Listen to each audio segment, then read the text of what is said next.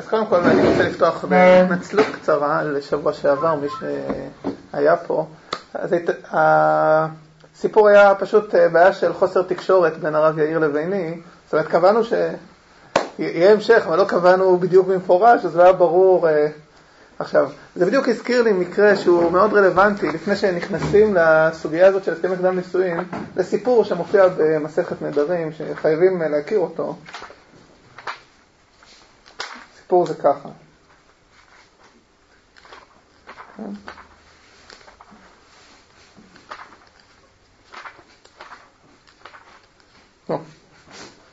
ההוא בר בבל דסליק לערא בישראל.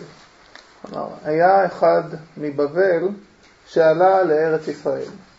נשיא ויטתה. מזל טוב, התחתן עם אישה מארץ ישראל. אמר לה, בשילי לי תרי טלפי. מה זאת אומרת? תפרשו אתם. ושלילי? שני מה? טלפי זה עדשים? מה זה טלפי?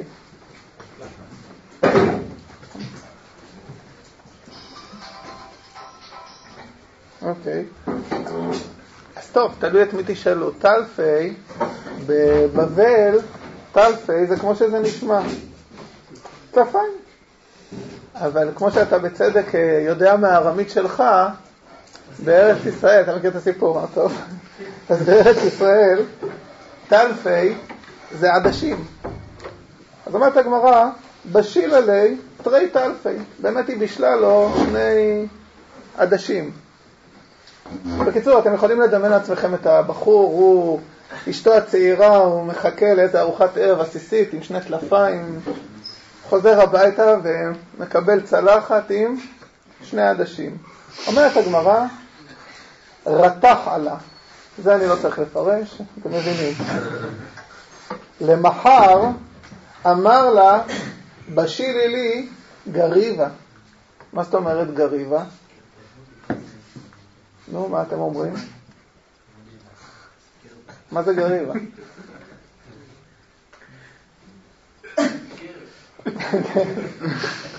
טוב, אז פה גריבה, שוב, תלוי את מי תשאלו.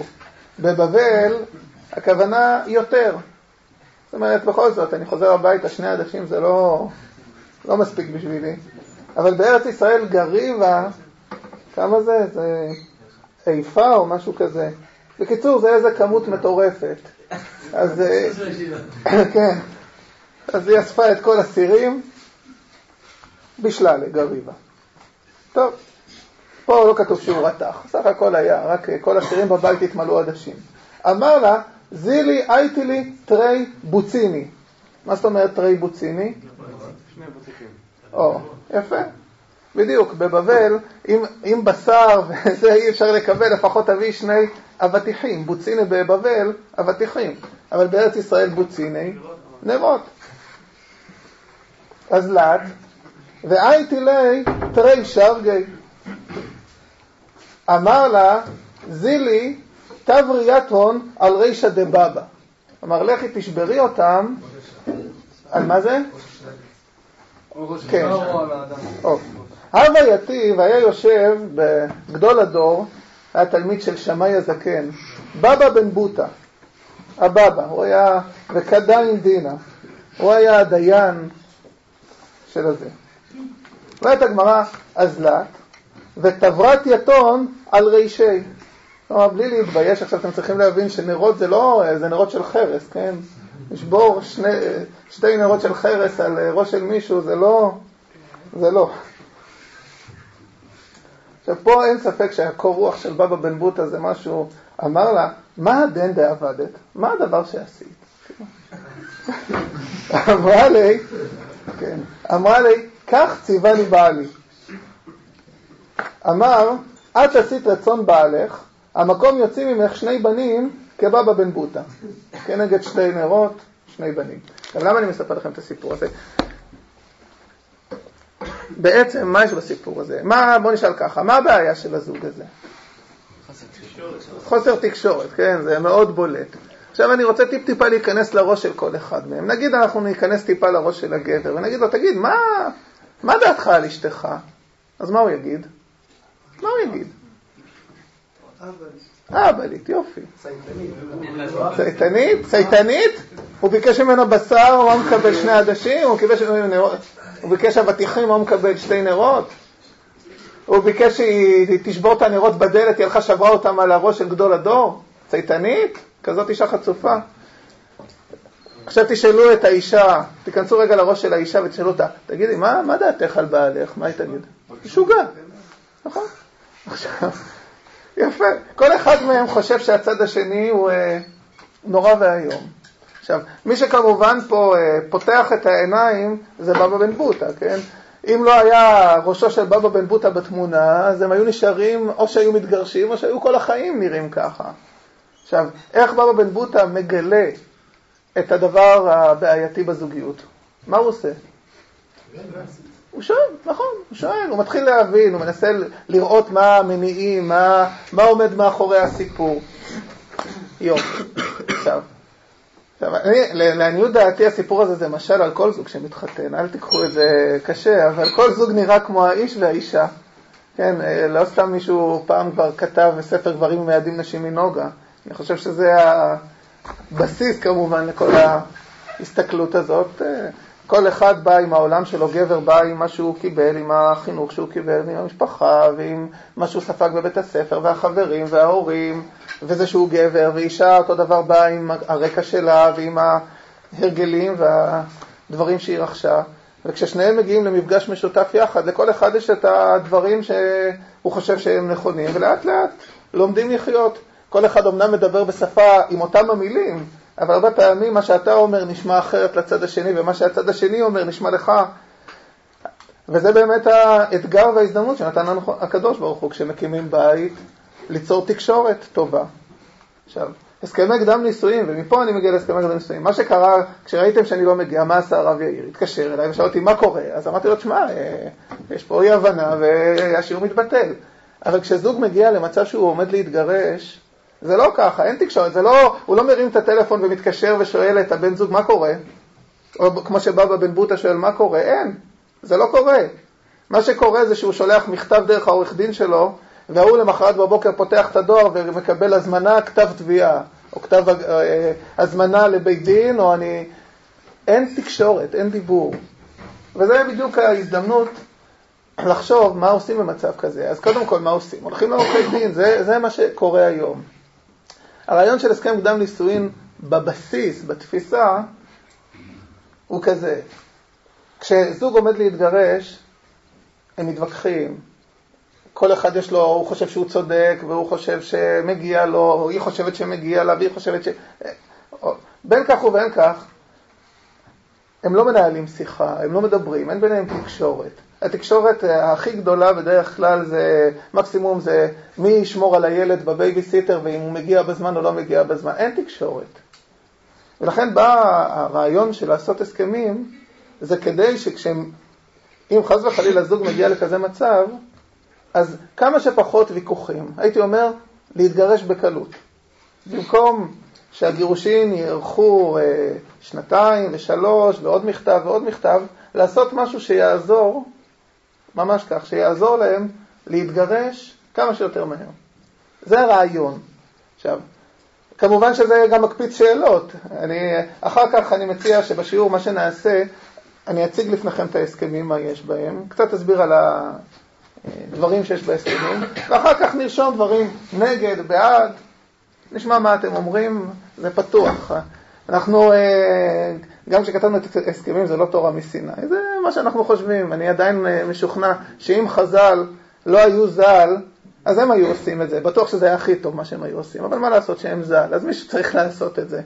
אז אה, לעשות את זה הכוונה לחשוב איך לוקחים את מה שאנחנו לומדים, איך לוקחים את התורה, איך לוקחים את ההלכה, ומביאים אותה לעולם המעשה. זאת אומרת, החיים לא מתחילים כשמי שעוזב את הישיבה עוזב את הישיבה, החיים מתחילים בתוך הישיבה. זאת אומרת, התורה היא לא מנותקת מהחיים, התורה היא צריכה להיות חלק מהחיים. ולכן, אם אנחנו רוצים שהתורה תהיה אקטואלית ורלוונטית ואפשר יהיה לחיות לפי התורה בשלום ובמישור, אז צריך אה, לבנות את הכלים. טוב, אז קצת רקע, טיפ-טיפה רקע בגדול. מה שלפחות אותי ברמה האישית אה, דחף, תכף אני אקרא לכם גם קצת רבנים על זה, אבל ברמה האישית, ההסכם שכתבנו, בעיניי, החלום שלי, זה שכל זוג יחתום עליו. דתי, לא דתי, כל זוג. זה, זה החלום. בינתיים זה לא כל כך קורה, ואני אגיד עוד משהו, שאני לא אשכח, גם אנחנו לא יודעים אם ההסכם הזה יעמוד במבחן של בית משפט. וכל כך למה? כי אף אחד עוד לא ניסה אותו, זאת אומרת, למרות שחתמו עליו, אנחנו גם לא יודעים כמה, כי מי שרוצה אפשר להוריד את זה בחינם באינטרנט, אה, אז אין לנו מעקב. אנחנו מניחים שבין כמה מאות לכמה אלפים. זאת אומרת, אין לנו מושג, אבל ברוך השם עוד אף אחד לא הגיע לבית משפט והתווכח. אז אני לא יכול לומר שכשזה יבוא לבית משפט, בית משפט יגיד, יאללה, יש הסכם, גמרנו, אין בכלל ויכוחים, או אולי יפתחו את ההסכם לוויכוח, אני לא יודע. אז זה הודעה ואזהרה. על בית משפט יש שאלה? מה? על בית משפט יש שאלה אם הוא יכבד את זה או לא, על בית דין רבני? בית משפט בטוח יכבד את זה. בית דין רבני ספק. גם זה הספק הוא לא מאוד גדול, אבל לעולם אי אפשר לדעת. לכן אני אומר את זה ב... ההסכם הזה קיבל איזה הכרה מאיזה גורם רשמי? נגיד כמו שהסכם של עורך דין לקבל הכרה ממשרד המשפטים, או ש... א', זה לא, יש פה הנחה שהיא לא מדויקת. הסכמים של עורכי דין לא מקבלים שום הכרה משום משרד המשפטים ומשום כלום. ההכרה היחידה שיש להם זה זה שהוא עורך דין ויש לו חותמת. עכשיו, גם את ההסכם הזה, כדי שההסכם יהיה תקף, מבחינה הלכתית, מספיק שהם חתמו עליו מודעים ועשו קניין וכולי. אבל מבחינה, מבחינת בית הדין ובית המשפט, צריך לחתום אותו אצל נוטריון. כשבדרך כלל ההבדל בין נוטריון לעורך דין רגיל זה זה שהוא לוקח 500 שקל, אבל uh, זה מאמר מוסגר. אתם רואים שאני מאוד עורכי דין, אבל זה סיפור אחר. טוב, קצת רקע. אז מה שאותי, כמו שאמרתי, החלום שלי באמת, אה, גם אם זה לא יתגשם, עדיין זה חלום, זה שזוג שמתחתן יחתום על הסכם. עכשיו, מה, מה הרקע? הרקע, בעיניי לפחות, הוא, ולמה חשוב, לדעתי, לקצר את הזמן של הגירושין, זה זה שיש, אה, אני לא יודע, אני מניח שאתם יודעים, לא כולם בעם ישראל אה, נאמנים להלכה, או בעברית אחרת, אה, נשים נשואות שלוקח להם שנתיים ושלוש להתגרש בגלל הוויכוחים על הכסף, ואני מזכיר לכם מה שדיברנו פעם שעברה, על התלות בין הגט לבין הכסף, לא תמיד, אה, ברגע, הן חושבות שברגע שהן אה, כבר לא, חי, אה, לא ביחד, לא גרות יחד עם הבעל, אז מותר להן גם לחיות עם גברים אחרים וכולי. אז גם אם לא ייוולד מזה ילד שהוא בוודאי ממזר, כי עדיין האישה נשואה, ברור שיש פה אשת איש שמזנה וכולי. ולכן, אותי, לי, זה נראה חשוב לחשוב איך מקצרים תהליכים, איך לגרום לזה שיהיה, זה לא הסיבה היחידה, אבל זה, הייתי אומר, איזשהו כוח דחף. טיפ-טיפה אני רוצה להקריא לכם טיפ-טיפה רקע שתשמעו שזה לא איזה המצאת המאה. אני קורא פה מהספר תבואות שמש של הרב שלום משאש, זכר צדק לברכה, נפטר לפני שלוש, ארבע שנים. הוא מספר פה על זה שבמרוקו, הרב הראשי של מרוקו תיקן תקנה, גם, לעשות הסכם, חוזה שעושים במרוקו מקרוב בין הזוג שבאו להינשא, שנושאים תחילה בהולמירי, זה כנראה החתונה האזרחית, ושוב באים להינשא בדת ישראל. ומיראה פן יגרש אותה בדיניהם ויניחנה עגונה בלי לתת גט כשר כדת משה וישראל, לכן קודם שיגרש אותה עושים להם חוזה שחותמים עליו, שאם יגרשנה בערכאות ולא יפטרנה בגט, חובתו לפרוע לסך חמשת אלפים פרנק בכל יום עד יום מסירת הגט. זאת אומרת, כל יום אם הוא לא נותן גט, קונסים אותו ב-5,000 פרנק. תחשבו, זה סכום עצום. כן? 20 יום 1,000 פרנק, 200 יום, מיליון. באמת קנס, וזה מה שהרב הראשי של מרוקו תיקן. משהו מלפני 50-60 שנה. ועכשיו שאלו את הרב משאש מה הוא אומר על התקנה הזאת. אני רואה לקטר שעמד באמת על חקירה טובה וגדולה, ולכאורה צדק קטר בחקירתו, לפי מה שאנו דנים לחוש לכל החומרות, שלא לעשות גט מעושה, וכן פסקו כל, כל, כל, כל קדמוננו שאנו הולכים אחריהם, הגט הזה מעושה. זה בעצם, אולי הייתי אומר, הטענה ההלכתית הכי אה, משמעותית שאיתה מתמודדים בהסכמי קדם נישואין, זה החשש גט מעושה. עכשיו טיפ-טיפה רקע על... לא משהו לכתוב. כן, בבקשה. נוטריון הזה צריך לדעת שזה איזשהו מכשול. כשרוצים שהרבה אנשים יחתמו על הסכם נכון, נכון, זה מכשול.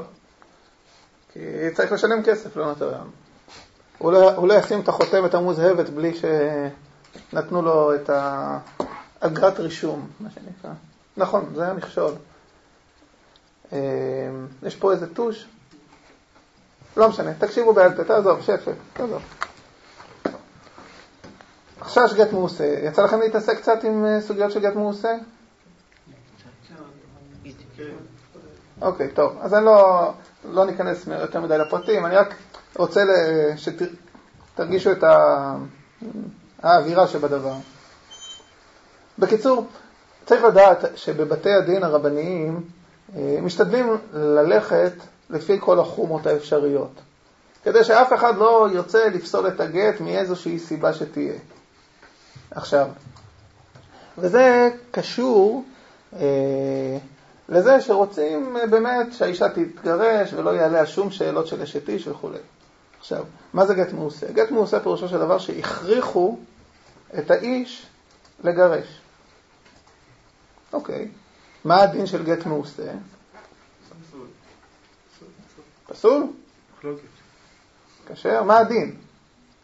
מחלוקת. ומה הדין? מה ההלכה? זה נכון. מה? קשה להכריע, הרמב"ם אה. אוקיי, אז ככה, מה כתוב בשולחן ערוך? אז ככה, אתם יודעים מה, יש לי איזשהו דפדפון על זה. עכשיו, אני לא רוצה להפוך את זה לשיעור אה, הלכתי, אבל אני אתן לכם דף. מי שירצה מוזמן ללמוד את זה בכוחותיו.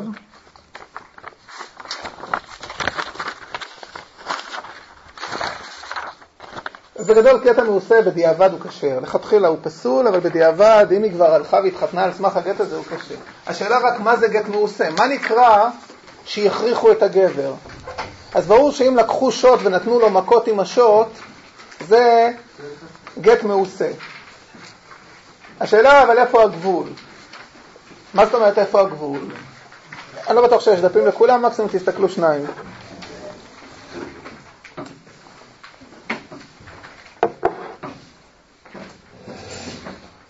טוב, השאלה איפה הגבול. מתי, עד מתי אתה אומר שזה גט מעושה, או שזה כבר לא. עכשיו, יש מחלוקת, ופה, מתחיל הסיפור ההלכתי, מה קורה לגבי גט מעושה באופן הבא. לא מכריחים אותך לגרש, אבל מכריחים אותך לשלם כסף. זאת אומרת, אתה לא חייב לגרש, אם אתה לא רוצה, תשלם את הכסף. אתה יכול להישאר נשוי ולשלם כל יום כסף. עכשיו, יש לך שתי אפשרויות, או לשלם כסף ולהישאר נשוי, או להגיד, אני לא מוכן לשלם כסף, ואז אתה חייב לגרש. האם זה גם נקרא מעושה? האם זה גם נקרא שיכריחו אותו? זה מחלוקת בין הראשונים. כמו שאתם רואים פה בדף, הבית יוסף מצטט את הרב מימון נואר, שנשאל על ראובן שכנס עצמו במאה זהובים לאדון העיר, אם יחזיר את אשתו ולגרשנה ואחר כך גירשה וכולי, ומה אומר הרב אה, נואר? לא אמרינן גט מעושה אלא בשכפו שלא מדעתו בדבר שאינו רוצה לעשותו, וכפו עד שעשהו, הפחידו להפסידו אם לא יגרש. אבל בנידון זה, שהוא חייב עצמו במה שהוא רוצה לעשות, אין זו כפייה. שכל זמן שהוא מגרש, ברצונו מגרש וכולי. זאת אומרת, אוהב הרב מימון נוער, זה לא נקרא מעושה. זאת אומרת, מעושה זה אם ייקחו שוט או יפחידו אותו, זה מעושה, הכריחו אותו. אבל אם אומרים לו, תשמע, אם אתה לא משלם כסף, אתה חייב לגרש, זה לא מעושה.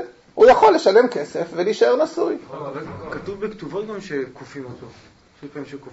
נכון, נכון, אבל מה, אתה צודק, יש, אתה אומר, יש מקרים שכופים, אבל, ופה הנקודה, רוב, היום, רוב הגירושין היום זה מה שנקרא מאיס עליי. אני מניח שאתם למדתם את ההבדל בין אה, אומרת באינא לאום צערנא לבין מאיס עליי, אומרת מאיס. עכשיו, מה? טוב, מי שלמד למד, מי שלא, אז זה סוגיה שהיא מאוד משמעותית. זאת אומרת, מאיס פירושו של דבר, יש, זה קשור גם להגדרת, זה נכנס פה להרבה הרבה סוגיות, זה חלק מהתסבוכת בסיפור הזה. זה נכון, יש מקרים שעל פי הדין אפשר לכפות, אבל המקרים האלו הם נורא מצומצמים, זה ממש רשימה של uh, כמה מקרים. אבל רוב המקרים זה, זה לא בגלל אה, איזושהי סיבה או בעיה גופנית או משהו שכתוב ברשימה שמהדין אפשר להכריח לגרש. זה פשוט האישה אומרת, אני לא רוצה לחיות איתו. למה? אני לא אוהבת אותו, אני לא... או יכולים להיות כן, אה, בדרך כלל זה מלווה בסיפורים אה, של ההתגלגלות של הזוגיות ביניהם, כן, הוא בגד בה, הוא עשה משהו, כן.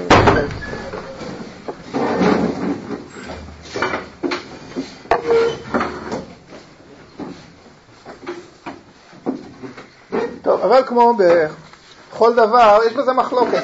אתם יכולים לראות שאומנם הרב אה, מימון נואר אומר שאין בזה בעיה של כפייה, אבל הרשב"א, על מקרה דומה, תסתכלו רק על התשובה. נראה לי שגט זה גט מעושה, הוא פסול הוא. כל שידענו באונצו של זה, גם שם מדובר על עיסוי, על הכרחה שמכריחים את הגבר על ידי כסף, על ידי סנקציה כספית. והרשב"א כן חושב שזה גט מעושה. זאת אומרת, בגדול יש מחלוקת. סתם ככה, רוב הראשונים, מה הם חושבים? אתם לא יודעים. אז אני אגיד לכם, בגדול, מה שאנחנו מצאנו, שרוב הראשונים הם נגד הרשב"א. רוב הרשב"א הוא דעת, ממש דעת מיעוט. זאת אומרת, לרוב הראשונים זה בכלל נחשב גט מעושה. אבל אני מזכיר לכם, כמו שקראתי בתשובה של הרב משאש, בדרך כלל בתי הדין, גם אם נגיד בגדול ההלכה היא שזה לא גט מעושה, אבל יש דעות שאומרות שזה גט מעושה, כמו הרשב"א. אז בגדול, חוששים, נכון. ואני רוצה גם להראות לכם את הרמה, שתראו, לשולחן ערוך בכלל הרשב"א לא הגיע. לא הרשב"א ולא הרב מימון הוא פשוט לא, לא מדבר על זה. אבל אומרים, אומר הרמ"א, אבל אם קיבל עליו קנסות אם לא יגרש, לא מקרי אונס, מאחר דתלג איתו בדבר אחר, ויוכל ליתן הקנסות ולא לגרש, כן, מה שאמרנו. זאת אומרת, בעצם מה הוא פוסק באופן פשוט? לא. שזה לא אונס. ויש מחמירין אפילו בחי גבנה, זה הרשב"א, וטוב לחוש לכתחילה ולפוטרו מן הקנס. אבל לכתחילה, טוב לחוש. זאת אומרת, בעצם אם אני מסכם את מה שהרימה אומר, זה לא מומלץ, כי יש את הרשב"א, אבל מי שיעשה את זה, תקנו אותי אם אני אה, מעוות, אבל מי שיעשה את זה, זה לא, בוא נגיד, זה לא אה, טרייף, זה לא בסדר. לכתחילה צריך להיות כמו כל הדעות, נכון? יופי.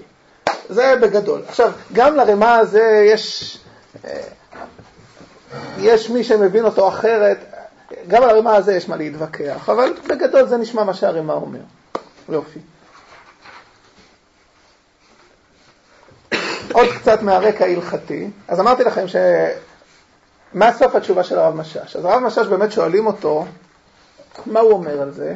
על ההסכם שהרב הראשי של מרוקו עשה, שכל יום הוא כונס אותו 5,000 פרנק. כל יום שהוא לא נותן את הגט, זה ממש קנס, כאילו, רצח, כאילו. אתם מבינים, 5,000 פרנק כל יום. אגב, סתם הערה, יש פה, זה קצת שונה, כי יש עוד נקודה.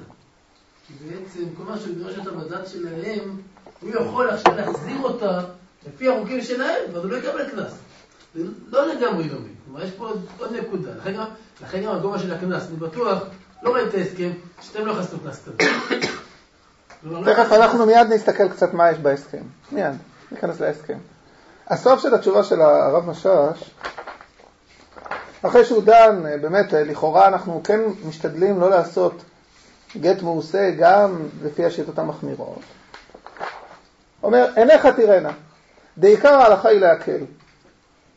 וגם למעשה בדיעבד שכבר גירש מקילין, ורק במקום שאפשר והכל מוכן לפנינו בלי צער וטורח, צריך בוודאי לעשות כל החומות כמדודק מדברי וכולי, להחמיר בערווה החמורה. הוא פשוט בעיניי שעל זה תמך את עדותיו הרב הראשי, להקל במקום עיגון כזה, שיגרשנה בערכאות והוא יצא לחופשי חינם לישא אשת איש, וייסע למקום שרוצה, ויניח את זו עגונה כל ימיה בהיותה עוד אשת איש. ויצאו מזה כמה מכשלות כידוע מבנות הזמן שפרקו עולדת, וילכו לעשות כרצונם, ויתלו הקולר בצוואר הרבנים, שלחשו למצוא להם מפלט. ומה תעשה הבת שלא תחטא? ובאופן זה ממילא נעשה חומרו כולו, שעל ידי החומרה שאנו רוצים לפסוק את דעת המחמירים, אנו מעגנים את האישה ונותנים יד לפושעים להיכשל באיסור אשת איש הברור. ולכן הרב הגאון עין דשפיר חזי העמיד בזה ההלכה על תילה על עיקר הדין בלי לעשות חומרות. ככה נוכל להציל אשת איש מתמיהה ומעיגון, וכאן לשעתתך כדיעבד דמי, ואין לך שעתתך גדולה מזו וכך חובתנו, וכך יפה לנו. הוא דרכיה דרכי נועם כתיב, וזה נראה לי ברור. טוב, הוא לא הראשון שאומר, הוא לא הראשון וגם לא האחרון.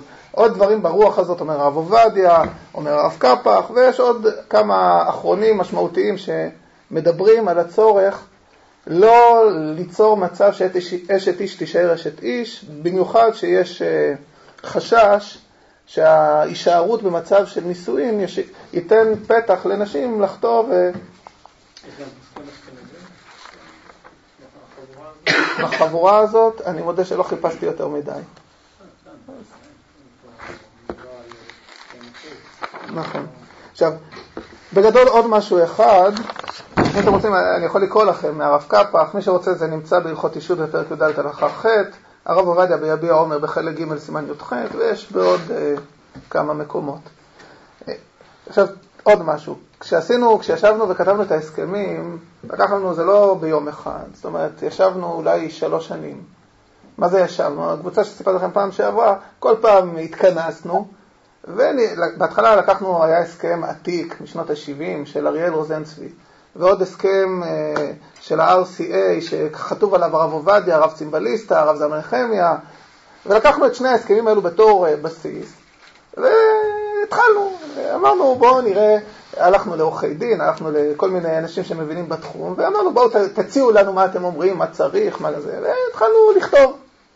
רק כדאי להסביר שההליכה לעורכי דין זה לא בגלל שמחפשים איזשהו גיבוי מצד המשפט הערכאות, מה שנקרא. לא, לא, חס וחלילה. שלא תהיה התנגשות, כל, כל הסכם חוקי צריך שייעשה בצורה כזאת שלא יהיה התנגשות חזיתית לפחות עם חוקי המדינה. כן. וזה חשוב להבין שזה יהיה באיזשהו שיתוף.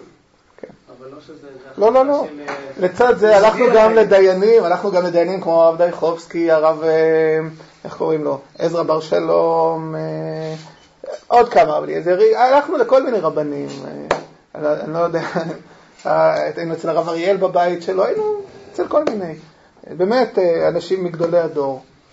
עכשיו, וגם אמרתי לכם פעם שעברה, שמה שהיה הרבה פעמים קורה זה שאחרי שהיינו יושבים ומתווכחים מה צריך ומה, ושם גם למדתי כמה כל מילה היא משמעותית, ועל כל מילה כמעט היו לנו ויכוחים, היינו חוזרים לרב זלמן נחמיה. עכשיו, בהתחלה באמת קיבלנו על עצמנו, בגלל שהוא ביקש לא לשרבב את שמו לסיפור, אז גם לא אמרנו שאנחנו עבדנו איתו.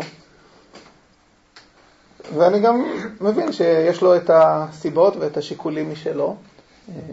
ותמיד, כמו שאמרתי, הוא היה מסתכל לתוך חצי שנייה, הוא היה ככה אומר, לא, זה לא צודק, מעיר לנו את ההערות.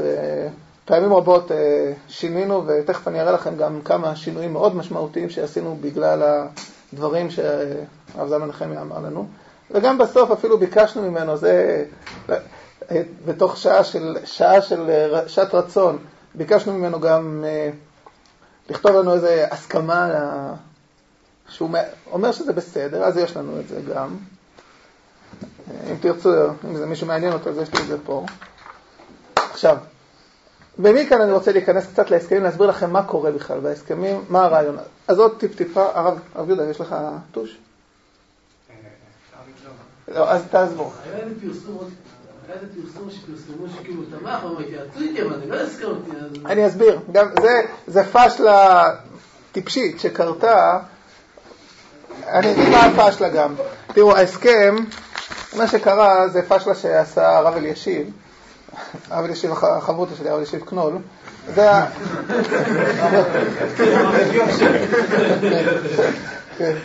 מה, עכשיו, הרב אליושיב באמת מתנגד להסכמים בגלל דעת המחמירים. זאת אומרת, בגלל שלכתחילה מה אומר טוב לחוש לדעת המחמירים, אז אי אפשר לכתוב הסכם שיש בו משהו של הסכם. מה הרעיון של ההסכם? קודם אסביר לכם את העיקרון.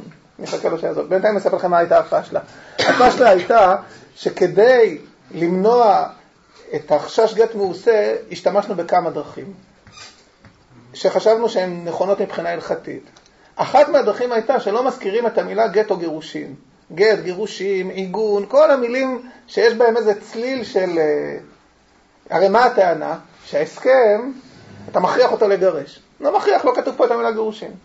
לא כתוב. לא כתוב לגרש, לא כתוב גירושין, לא כתוב גט, לא... לא. מה כתוב? סיום הנישואין, או כל מיני... עשינו לפעמים אה, שמיניות באוויר כדי שהמילה גט או גירושין לא יהיו. למה? כדי שהטענה שזה מכריח לגרש לא תהיה.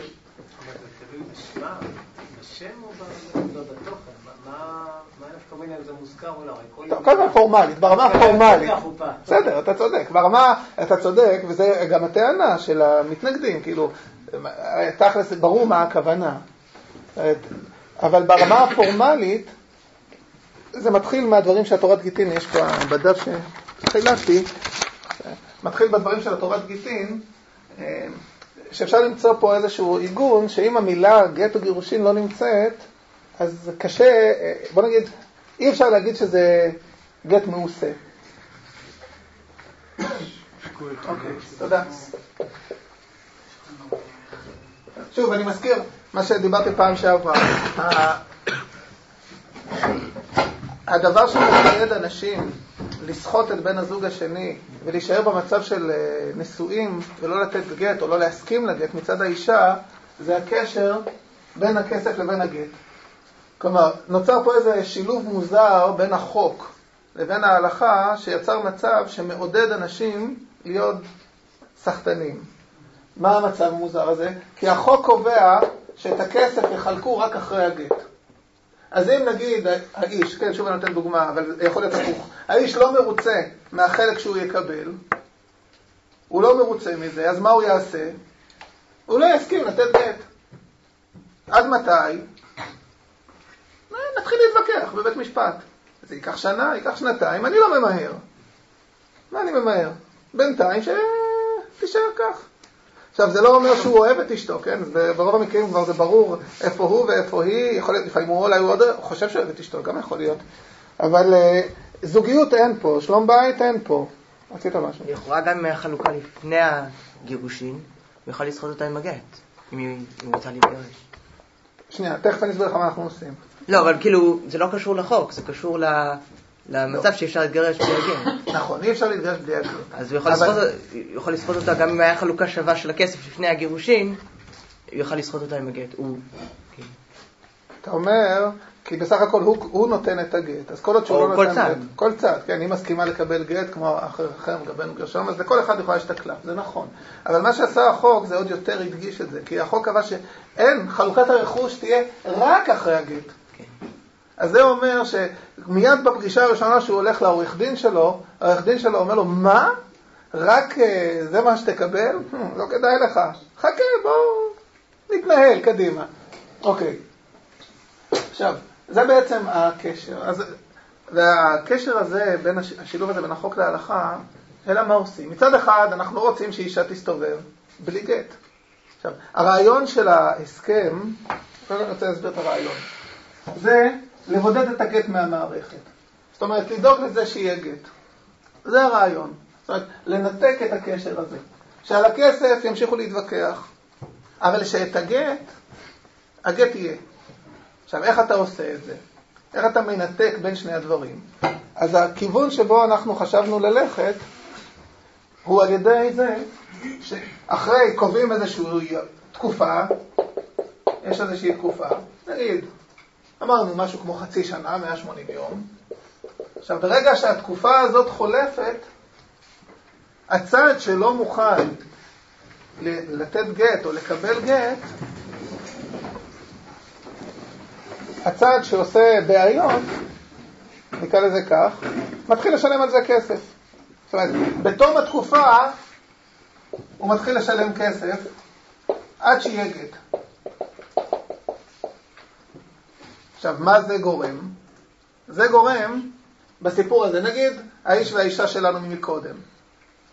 הם רוצים להתגרש, נתחיל במקרה הפשוט, כן? הם רוצים להתגרש, היא רוצה להתגרש, היא לא יכולה לחיות איתו ביחד, אין. היא עזבה את הבית, גרה בבית אחר, מה שאתם רוצים. אבל היא מגישה, רוצה, האיש אומר, לא מוכן להתגרש. עכשיו, יכול להיות הרבה סיבות, יכול להיות שהוא עוד אוהב אותה, יכול להיות שהוא לא מרוצה מהחלוקה של הרכוש. בדרך כלל, באיזשהו שלב, כשהיא עזבה את הבית ולא רוצה לחיות איתו, אז uh, סביר להניח ש... לא המצב לא משהו, בדיוק. עכשיו, בינתיים יש לו קלף חזק. מה הקלף החזק שלו? הגט. אז מה הוא אומר? כל עוד שלא נדון מחדש בחלוקת הרכוש, אין גט. מה בא ההסכם ועושה? ההסכם אומר, תשמע, אחרי תקופה של 180 יום, אנחנו בודקים מי לא נותן גט, מי לא מוכן לגט. האישה אומרת, שואלים את האישה, את רוצה גט? היא אומרת, כן. שואלים את האיש, אתה רוצה לתת גט? אז הוא אומר, לא. עכשיו, זה לא משנה למה. ברגע שהוא אומר לא, הוא מתחיל לשלם. עד מתי? כן. שאלה אמיתית, אבל מתי מתחילים ה-180 יום? 180 היום מתחילים מהיום ש... אתה תיכנס להסכמים. מהיום שהאישה שולחת הודעה בכתב לאיש שאומרת זהו, אני נפרדת ממך. נכון, אז גם זה, אז בשביל זה גם צריך את העורכי דין. זאת אומרת, כדי להגדיר מה זה נקרא הודעה, אז יש, יש כללים, יש כללי הודעה, יש בחוק הישראלי כללי מסירת הודעה. נדלג רגע לחלק הפורמלי, אבל מבחינת הבית דין הרבני, הבית דין, זה לכאורה משמעותי, שבית דין מחליט שבאמת, אז זה באמת אה, כבר הפסקנו את תהליך השיקום, זה לכאורה החלק המשמעותי, לא? זאת אומרת שכאילו, יש שלב שעדיין מנסים לאחות את הקרע, נכון? זה השלב שפה אחרי. נכון. עכשיו... היא בעצם מקבלת את ההחלטה. אז זה מה שאמרתי בסוף. לא נדבר על הדקדוקי החוקים, דואר רשום או שלושה כן, כן. העתקים. זה פחות מעניין, מה שמעניין מבחינה מהותית. נכון, מה שהרב יהודה מאיר, ובצדק, זה משהו שהתייחסתי אליו על קצה המזלג בפעם שעברה, וזה השאלות שעולות כשמנסחים הסכם. ואחת השאלות הראשוניות היא, מי קובע? לפרק בית בישראל זה דבר גדול, מה זה, מזבח בוכה, לא? זה דבר מאוד גדול. מי קובע כזה דבר? הזוג מחליט, בית הדין? אה, דיין שביום אה, שכותב גט צריך לעצור, לפי ההלכה. אומנם לצערנו היום אה, לא עומדים בזה, אבל ככה היו נוהגים פעם. כן. דיין ביום שכותב גט ממש מתענה, תענית. זה... כן. דרך אגב, אתם יודעים מה עושים היום עם הגט? אחרי שהאישה קיבלה את הגט? למה? נכון. מה עושים? לא. קוראים, משמידים אותו. כדי שאף אחד לא יתווכח על מה היה בדיוק היה כתוב בגט, שלאף אחד לא יטען, היה שם איזה טעות, איזשהו... כן. רק על המעשה ביידין נשאר. טוב. עכשיו. שאלה. כן. אמ, מה קורה במקרה שהיא שלחה לו הודעה שהיא רוצה להפסיק את הקשר, ואז אחרי תקופה מסוימת, לפני 180 יום, החליטה שהיא רוצה להמשיך את הקשר, ואז בעצם, כלומר, נוצר, נוצר פה איזשהו אה, זמן ש... שהם כן רוצים להמשיך את הקשר, ואז עוד פעם פרקו אותו. עכשיו, מאז כבר עברו 180 יום, מאז ההודעה הראשונה שלה. אומר סינוס כזה, כן, אה, כן, לא, כן, לא. שאלה, שאלה טובה. אה, קודם כל אנחנו, לפני שניכנס לכל האפשרויות, קודם כל תבינו את העיקרון. בסדר? עכשיו, אמ, אז באמת מה שהרב יהודה מעלה, מי, מי הבעל הסמכות, מי האחראי לפרק בית בישראל זה דבר גדול. האם זה נתון בידי הזוג, או שמא צריך את בית הדין בתמונה. עכשיו, שאלה לא פשוטה. אנחנו הרי רוצים שזוגות יתחתנו, אנחנו רוצים שיהיו משפחות שיהיה בהם אבא ואימא ויקימו בית נאמן בישראל, אנחנו רוצים את זה, אנחנו לא רוצים שכל אחד אה, באיזה בוקר אחד משוגע יסגור את העסק ויגיד די. אנחנו כן, יש לנו אה, רצון ויותר מזה, לקיים בתים שלא ככה מפרקים את הנישואים. נכון, זה באמת דילמה משמעותית. עכשיו, שוב, כשאתה כותב הסכם אתה צריך לחשוב מה אתה מכריע. השאלה מה, מה אתה מכריע, והיא נובעת מכמה שיקולים. עכשיו, בואו ניכנס טיפה להסכם. אז אנחנו הכרענו איך שאמרתי, זאת אומרת אנחנו הכרענו שבסופו של דבר הזוג יקבע. זה בעצם ברמה העקרונית מה שהכרענו בהסכם שלנו. עכשיו, עוד משהו טכני, שאולי הוא קצת מהותי, וזה גם קפצו עלינו, למה לא קבענו שבית הדין הרבני אה, זה, קודם כל מבחינה חוקית זה לא תקף. זאת אומרת, אי אפשר היום בחוק בישראל, והיו על זה בג"צים, לקבוע איפה, יהיה, איפה תהיה ההתדיינות. זאת אומרת, גם אם אתה רוצה, גם אם תכתוב רק בבית הדין הרבני, מה שיקרה מבחינה מעשית זה שהבן הזוג שלא מוצא חן בעיניו, ותמיד יהיה אחד כזה, ואם תרצו אני אזכיר לכם דוגמאות, תמיד יהיה אחד כזה, הוא פשוט ילך לבית המשפט, ואז הוא יגיד, רגע, יש הסכם, ילכו לבג"ץ, והבג"ץ יגיד, ההסכם לא תקף. כי אי אפשר להתנות על מקום ההתדיינות מבחינה חוקית. זאת אומרת, אין. אז גם אם היינו רוצים, זה בלתי אפשרי.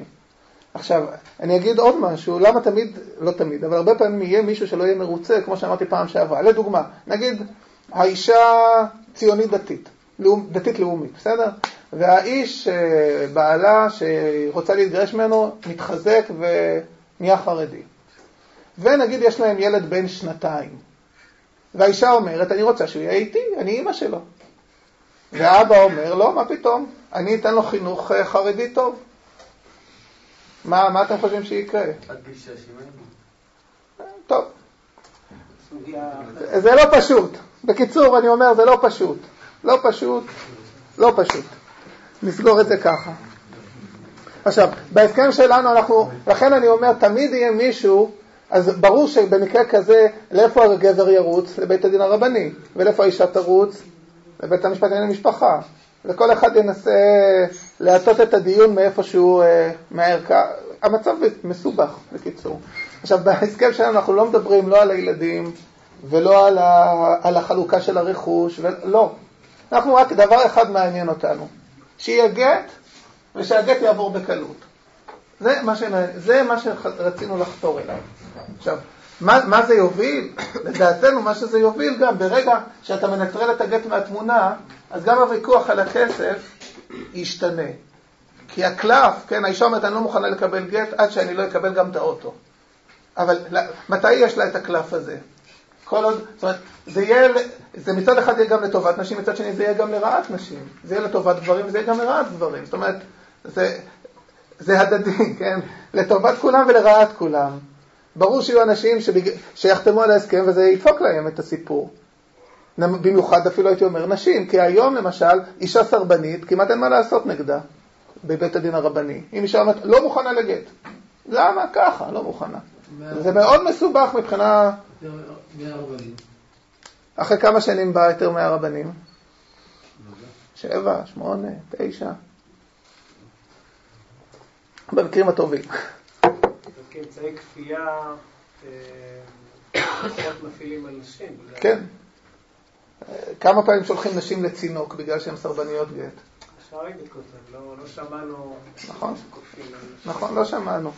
זאת אומרת... אוקיי, טוב, אני רוצה להראות לכם טיפ-טיפה...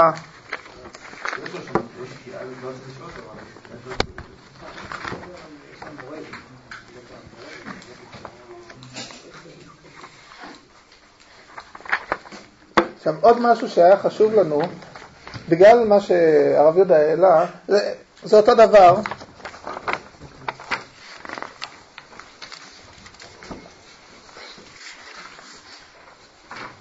פשוט יש פה כאלו שצילמתי מתוך ההסכם עצמו, אפשר להוריד את ההסכם מי שרוצה בחינם מהאינטרנט.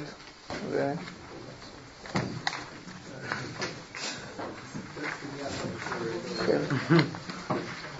זה ההסכם. אז חלק צילמתי מההסכם, חלק צילמתי, חלק יצא מתוך המחשב שלי, אז... אה,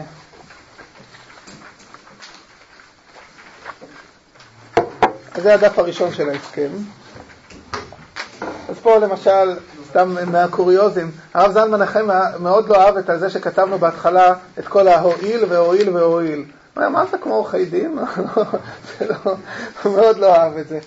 טוב, עכשיו, מבוא, המבוא להסכם זה מהווה חלק בלתי נפרד ממנו. מה, מה זה המבוא? המבוא זה בעצם מה שכתוב פה.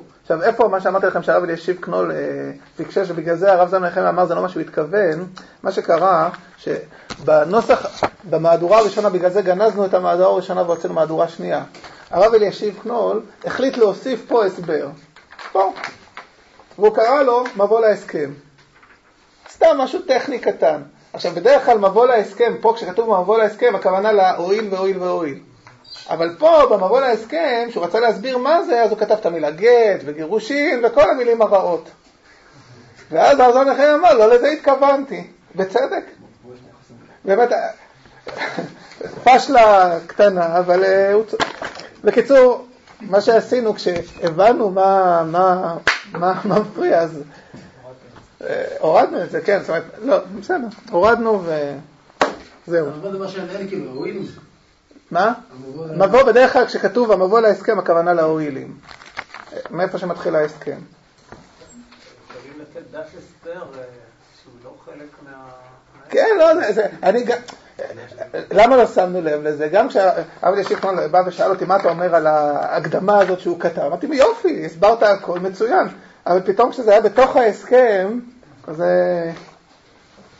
טוב, ההודעה. זה מה שאמרתי לכם, שמתחילים לספור את התקופה. רצה אחד מבני הזוג לגור בנפרד מבן זוגו, יכול למסור הודעה בכתב למשנה ובה הוא מודיע כי הוא מבקש לממש. מסירת, אתם רואים, מסירת ההודעה תבוצע במסירה אישית או משלוח ההודעה בדואר רשום או תחליף המצאה בהתאם לתקנות סדר הדין האזרחי. בקיצור, בשביל זה צריך עורכי דין לנסח את הדברים האלו. עכשיו, משהו שהכנסנו, וזה משהו קריטי, שיקום הנישואין. זה עוד משהו. מקבל ההודעה רשאי לבקש לשקם את הנישואים בעזרת גורם מקצועי מוסכם. עכשיו, בעצם, כשזוג רוצה להתגרש, אם אחד מהם, כמו, נחזור לסיפור מקודם, נגיד האיש אומר, אני לא מוכן לתת גט, ואני לא רוצה לא לבוא לא לפסיכולוג ולא ליועץ נישואין, ולא לא מעניין אותי. יש לי חברה ואני רוצה לחיות איתה, בסדר? נהיה רעים. מה אתה יכול, איך אתה יכול להכריח אותו לבוא לבית, לייעוץ אפילו? האישה אומרת, אני רוצה לחיות איתך. אין שום כלים. אין שום כלים, אין שום. עכשיו, מה שהכנסנו בהסכם זה לפחות, את, אמרתי שלקחנו, יש לנו שתי הכרעות נועזות בהסכם. אחת מהן זה באמת שמי שקובע את הגירושין זה הזוג. זה הכרעה. אבל להגביל אותה, לצמצם אותה, קבענו שהם, בוא נגיד כך, אם שניהם רוצים להתגרש אין בעיה, כן? אם שניהם רוצים לחיות ביחד גם אין בעיה. הכי טוב. אבל אם, אם אחד מהם רוצה להתגרש והשני לא, מי שרוצה להישאר יחד, יכול לבקש לנסות לשקם את הנישואין, וכמו שתראו, עד שלוש פגישות, גם הצד השני מתחייב. זאת אומרת, הצד השני, אם הוא לא יבוא לפגישות ויגיד, רגע, יש הסכם, לא יכול, ההסכם יעמוד רק לזכות מי שגם בא לפגישות. זאת אומרת, כדי שזה לא יהיה משהו ככה אה, יותר מדי קל. כן לנתת איזושהי הזדמנות. עכשיו שוב, גם פה, אני סתם יכול לספר לכם שתקפו אותנו, למה לא שלחנו לרבנים שיעשו את, ה, את הייעוץ נישואין? טוב. תלוי יועץ צריך להיות... אה, סתם, אולי אנשים לא מכירים, יש היום אה, ארגון כזה של יועצי נישואים רבנים, מה שנקרא, שעובדים, ינר. לא, לא, לא שמעתי. זה גוף אה, שהוא משלב אנשי מקצוע עם בהדרכה של רבנים, נגיד שני חכמים, גם נשים, גם גברים, והם אה, עובדים בצמוד לבתי דין הרבניים. ובתי דין הרבניים מפנים זוגות לצורך אה, מה שנקרא ייעוץ, שיפור, כן. אני לא יכול להגיד אה, מה אחוז ההצלחה, אבל יש הצלחות מסוימות. מצוין. אני יכול להגיד לכם שכשאנחנו ניסחנו, פשוט לא ידענו מה לעשות. זה היה אחד מהדברים, היה חשוב לנו לעשות משהו שישלח אותם לפחות לשלוש פעמים לנסות, התחלנו לחשוב מי, מי, לא שמענו על ינר, גם העורכי דין והטוענות רבניות שישבנו איתם לא, לא העלו את זה, אולי הן מכירות והן, כי אנחנו גם יצאנו, משהו, רצינו משהו ש... הרי גם יהיה ויכוח, לא רצינו להיכנס לעוד ויכוח, מי, אחד יגיד הרב שלך הוא לא טוב לי, אני הולך רק לרב ההוא, כן, אז גם לא הרווחנו שום דבר. אז לכן מה שעשינו, בהיעדר הסכמה בין בני הזוג, אז מצאנו, יש דבר כזה שנקרא אגודה ישראלית לטיפול במשפחה ובנישואין, מתוך תקווה שהם יהיו קיימים גם עוד כמה שנים, מתוך תקווה שהם לא יתגרשו, כן, אבל אם צריך שהם יהיו עוד קיימים. טוב. אתם רואים, בני הזוג מתחייבים להופיע בפני המסייע לשיקום הנישואים עד שלוש פעמים, והם ישלמו, גם שלא יהיו ויכוחים על הכסף, אז שכרו של המסייע לשיקום הנישואים ישולם שווה בשווה על ידי שני בני הזוג. עכשיו תראו, בשלוש, לא יאוחר מ-180 יום מיום ההודעה ימסור המסייע לשיקום הנישואים מכתב לכל אחד מבני הזוג בו יציין אם בני הזוג הגיעו להסכמה לשקם את הנישואים עם לאו. כאשר בני הזוג לא הגיעו להסכמה לשקם את הנישואים, אך לדעת המסייע לשיקום הנישואים יש בכוחו של טיפול זוגי לעזור לבני הזוג לשקם נישואים, יציין זאת במכתבו. זאת אומרת, כן רצינו להשאיר איזשהו פתח, שאם היועץ הזה חושב שיש משהו, זה לא, זה לא סוף הדרך, יש זוגות שזה סוף הדרך, אין, אין מה לעשות. אבל יש זוגות שאולי בכל זאת יש. אז שמישהו מקצועי, שמישהו שבתחום יראה אותם, שיכתוב את זה, וזה כבר בית הדין או בית המשפט יחליט מה לעשות עם הידע הזה. אבל בכל זאת כן לעשות איזושהי אה, אפשרות לתיקון. עכשיו פה השלב הבא זה התקופה. התקופה זה כמו שאמרתי לכם, המאה ה-80 יום. גם פה נכנס הקטע של המסייע. והשלב הבא זה התחייבויות האיש. ופה אני רוצה להסביר מה עשינו. האיש מתחייב מעכשיו לשלם לאישה דמי מזונות חודשיים בסכום הגבוה מבין הסכומים המפורטים להלן. עכשיו אני רוצה להסביר, במשפט הזה יש לפחות שתיים או שלוש דרכים לעבור, להתגבר על הבעיה של גט מעושה. ואני רוצה להראות לכם איך. אני מזכיר לכם, גט מעושה, מה קורה כשהעיסוי הוא על ידי קנס, נכון? אז ראינו שיש בזה מחלוקת, רוב הדעות בסך הכל שזה כשר, אבל יש לנו את המחמירים. איך מתגברים על הדעות של המחמירים? כי רצינו שבאמת, גם לפי, לפי המחמירים, זה יהיה בסדר. אז דבר ראשון, מתי זה נחשב גט מעושה? אם קונסים את האדם. מה שעשינו בהסכם זה לא קנס, מזונות. איש חייב לתת לאשתו מזונות. עכשיו, מה שקורה פה, בהסכם, הוא לא, הוא לא, אנחנו לא אומרים, אתה עכשיו, תש... כמו אצל הרב משאש, שהוא אמר 5,000 פרנק כל יום. לא. אנחנו, אנחנו ניקח דמי מזונות. עכשיו, אם זה דמי מזונות, פשוט תשלם את דמי המזונות. אבל עכשיו עשינו משהו, הייתי אומר, נקרא לזה מזונות מוגדלים. אמר, מה זה המזונות מוגדלים? תראו א' או ב', או 1,500 דולר, או 50% מהכנסתו החודשית, שהאיש מתחייב לתת לאשתו מזונות. עכשיו, איך הגענו סתם ככה למספרים האלו? למה 1,500 דולר? אז זה הרב זלמן נחמיה. הוא אמר לנו, תעשו אה, סכום כזה שיהיה חודש במלון. הרי עולה עמו ואינה יורדת, נכון? גבר יכול להבטיח לאישה אה, תנאי חיים משופרים, עולה עמו. אז הוא יכול להבטיח לה, תשמעי, אני אתן לך אה, חודש, לא בטוח שזה כזה חוויה, אבל זה סיפור אחר.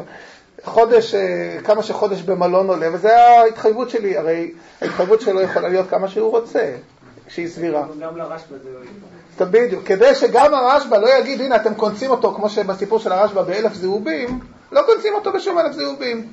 זה המזונות שהוא מתחייב. זה דבר ראשון. כדי להתמודד עם הרשב"א. במקום קנס, מזונות. הדבר הקודם זה בכלל שהמילה גט וגירושין לא מוזכרת, כן? זה, אמרתי, זה בכלל בכל ההסכם לא מופיע. הדבר הבא, זה ממתי הוא מתחיל להתחייב את המזונות הגבוהים האלו. ממתי הוא מתחייב? מיום הנישואין חוץ ממה שהאישה בדיוק, בדיוק. זאת אומרת, מה שקורה, מהיום של החתונה הוא מתחייב למזונות המוגדלים. רק מה, אישה אומרת, אתם יכולים לראות, אני מוותרת לך. עכשיו, מה קורה? כשהיא שולחת את ההודעה שהיא רוצה להתגרש, היא אומרת, הפסקתי לוותר. עכשיו תן לי מה שהתחייבת. זאת אומרת, בעצם כל ההסכם עובד על מנגנון של מזונות. והיא מודיעה שהיא הפסיקה לוותר לו, ואז שישלם לה את מה שהוא התחייב לה. זה בגדול. עכשיו, למה זה? כדי לא להגיד שיש פה קנס, כדי לעשות את זה בצורה של מזונות.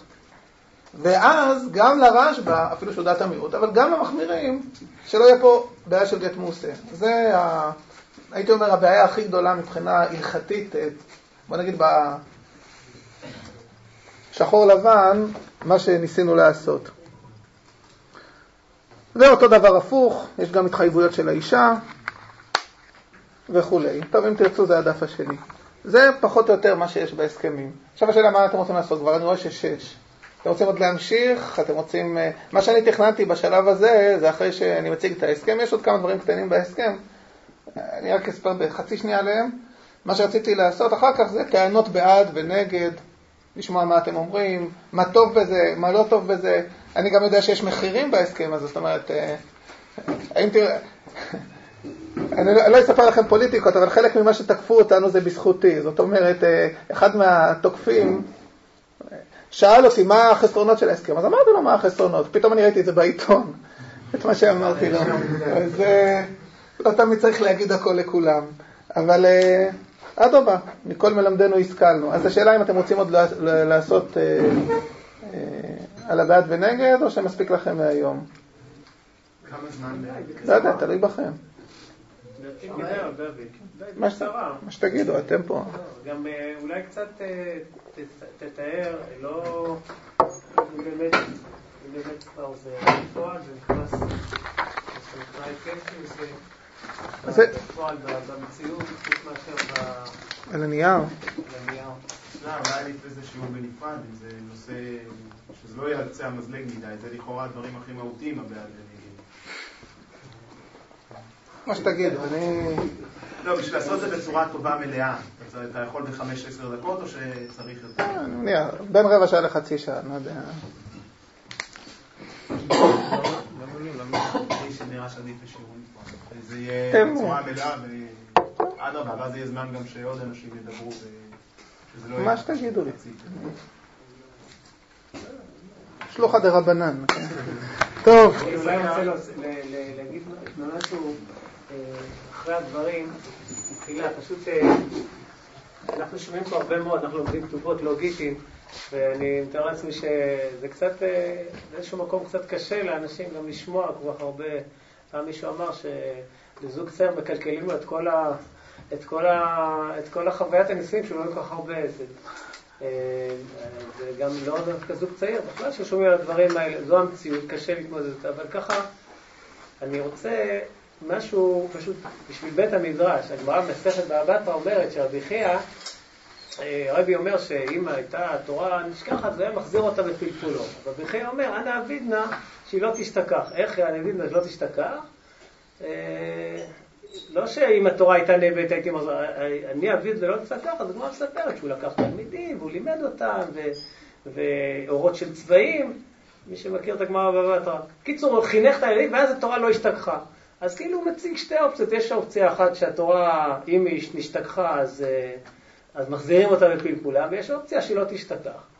אה, מה שמוצג פה זה איזשהו, מבלי, מבלי להביע, להביע איזשהו אה, הסכום ממי אני שיסכים, אבל בסך הכל יש פה איזשהו פתרון לבעיה מאוד קשה שהמציאות זועקת אותה. אם היא הפתרון היחיד, הפתרון האידיאלי, אבל איזושהי התמודדות המציאות. אבל יש עוד כיוון, והכיוון הזה בכלל לא סותר את הכיוון של רב דוד. הכיוון שבו אנחנו בעצם מגיעים למצב של לצמצם את, ה, את השורש של בעיית הגירושים. אז אני אומר, זה כיוון, זה בכלל לא בסתירה לכיוון הזה. גם זה דבר שמאוד צריך אותנו בבית מדרש להסיק לא רק הפן ה... של הסוף הדרך, מה שנקרא, אלא איך אבידנא דלא תשתכח. כלומר, איך יוצרים באמת את הבסיס הבריא לתקשורת, וזה אחד הדברים ש... שאותו איגוד שבין השאר, ויש עוד גופים שעוסקים בזה, גם בית סוהר, ועוד גופים שעוסקים בנושא הזה של איך ליצור את הזוגיות הנכונה כאשר היא קמה ונבנית. ואז מסתבר שהרבה מאוד, או חלק לא קטן מהבעיות שיכולות להיווצר ומגיעים לתהליך שהוא בלתי הפיך, ואז אנחנו צריכים את הפתרון הזה, אנחנו מנסים, או יכולים לחשוב, וצריכים לחשוב איך להגיע למצב שבו נבנה תקשורת. כי, במילה אחת, יש כיוון חילוני שנתקלים בו במציאות של יועצי נישואים, שברגע שאתה בא ואומר את הפיפס הכי קטן, אז הוא אומר, מה הבעיה? אז תלכו להתגרש. אני בעצמי נתקלתי בקריית מלאכי עם מקרים שבאו לייעוץ אה, אצל גופים אה, חילוניים, ומה הבעיה? נו, קדימה, יאללה, אין בעיה. והגט הוא רק איזשהו, אה, מה שנקרא, יש כתובה, יש גט, זה רץ קדימה. זה, המערכת החילונית מאוד מעודדת את, ה, את, ה, את הגירושים, כאילו חופש האישה וכו' וכו'. ברור שאנחנו מסתכלים על הדברים בצורה שונה. אז כאן יש ניסיון לתת את ה, מה שנקרא, את הפתרון כאשר כלו כל הפיצים. אבל חשוב לנו לראות שיש גם פתרונות ששייכים לשיקום, לא רק שיקום, שזה דבר מאוד חשוב, הנושא של בניין, של תקשורת זוגית, של בניית תקשורת, וזה בהחלט הצד השני שהוא בבחינת אבידנא שלא תשתכח, זאת אומרת לא רק הפתרון של הזה. טוב, כמובן, לפעמים כאשר אה, נפתרת הבעיה בצורה מכובדת וטובה, גם זה עשיית שלום. אז ודאי שכאשר זה מגיע, אז, אה, אז צריך שזה ייעשה בצורה טובה ומכובדת, גם זה נכון. אבל אם אנחנו יכולים לש- לשפר את המצב הזה של תקשורת זוגית, זה בהחלט אה, הצד השני שהוא בהחלט... אני עוד אוסיף שכמה פעמים ששוחחתי עם, אה, דיינים שעוסקים בתחום הזה, אז לפעמים הם אה, מאוד אה, קשה להם הדבר הזה שהם רואים את הזוגות כשמגיעים כבר בסוף הדרך. וכשאדם בבית מדרש שואל את עצמו, בעולם התורה, לאן אני, טוב, לאיזה כיוון, אז יש את הכיוון הזה שמערכת בתי הדין עובדת, שם נמצא, נתנו להם את ה... את ה את ה... נגיד, את ההלכה על הידיים שלהם. הנה, אתם תטפלו בגיטין. כאילו מערכת ה... המדינה נתנה ל- לרבנים להתעסק, כמו שאומרים, בעבודה השחורה של הגיטין. זה לא שמערכת בתי הדין מטפלת בכל, יש בתי משפט בכל התחומים האחרים, והרבנים התעסקו עם הגיטין. אז זה נוח באיזשהו מקום ל- לחברה להגיד, אתם הרבנים תתעסקו גם עם הגיטין וזהו. אבל האמת היא שהתהליך השלם של, של תורה הוא באמת ה- הבנייה הנכונה של זוגיות ובצורה עמוקה להבין איך להקשיב, איך אה, להיפתח, איך לפתור חיכוכים, איך ליצור תקשורת נכונה, איך להעלות בעיות, איך לפתור בעיות. זה לימוד גדול שאותו, גם, גם אותו אנחנו חייבים אה, עליו לדבר בבית המדרש, וככה אנחנו באמת רואים את הדברים בצורה שלמה. טוב. כל מילה.